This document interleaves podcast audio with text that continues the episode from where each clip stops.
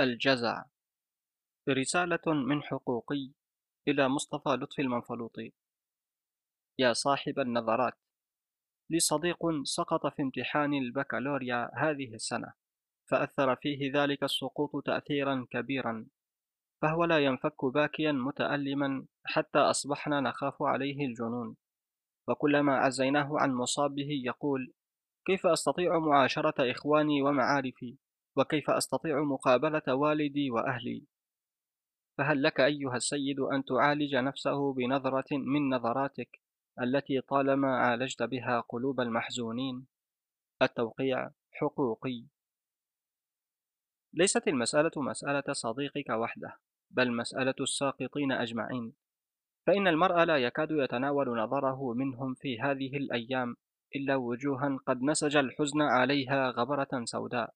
وجفونا تحار فيها مدامعها حيرة الزئبق الرجراج حتى لا يخيل إليك أن نازلة من نوازل القضاء قد نزلت بهم فزلزلت أقدامهم أو فاجعة من فواجع الدهر قد دارت عليهم دائرتها فأثكلتهم ذخائر نفوسهم وجواهر عقولهم وأقامت بينه وبين سعادة العيش وهنائه سدا لا تنفذه المعاول ولا تنال من أيده الزلازل. خفض عليك قليلا أيها الطالب فالأمر أهون مما تظن وأصغر مما تقدر. واعلم وما أحسبك إلا عالما أنك لم تسقط من قمة جبل شامخ إلى سفح متحجر فتبكي على شظية من شظايا رأسك أو دم مسفوح تدفق من بين لحييك.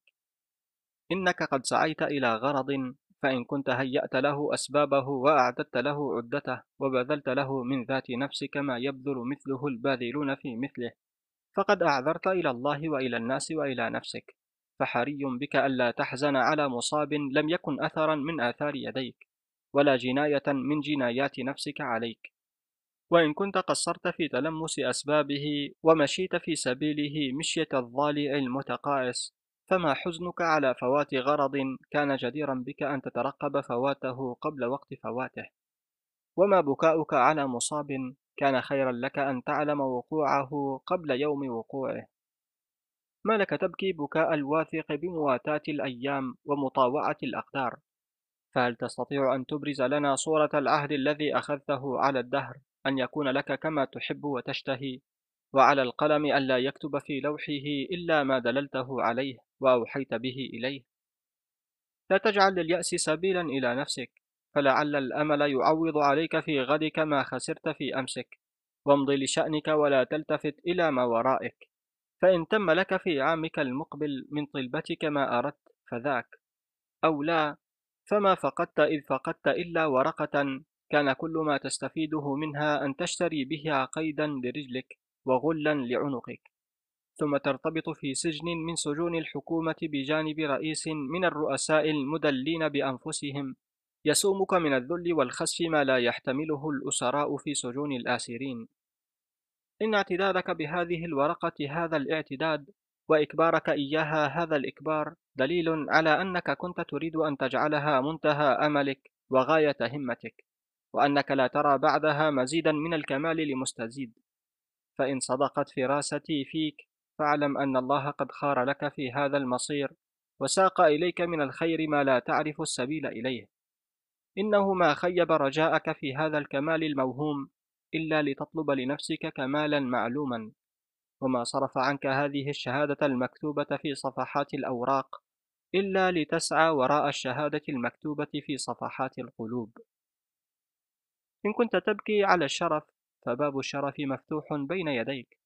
لا شأن للحكومة فيه ولا حاجب لها عليه وما هو إلا أن تجد في التزيد من العلم والمعرفة واستكمال ما ينقصك من الفضائل النفسية.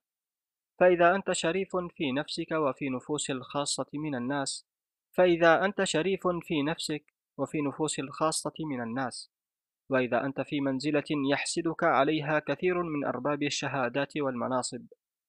ولا حي الله شرفا يحيا بورقة ويموت بأخرى ولا مجدا تأتي به قعدة وتذهب به قومة. وإن كنت تبكي على العيش ففي أي كتاب من كتب الله المنزلة قرأت أن أرزاقه وقف على الحاكمين وحبائس على المستخدمين وأنه لا ينفق درهما واحدا من خزائنه إلا إذا جاءته حولة بتوقيع أمير أو إشارة وزير. قناة قصص عبد الباري الطشاني على اليوتيوب. أيها الطالب قل لأبيك وأخيك وأهلك وأصدقائك ومعارفك بلا خجل ولا استحياء.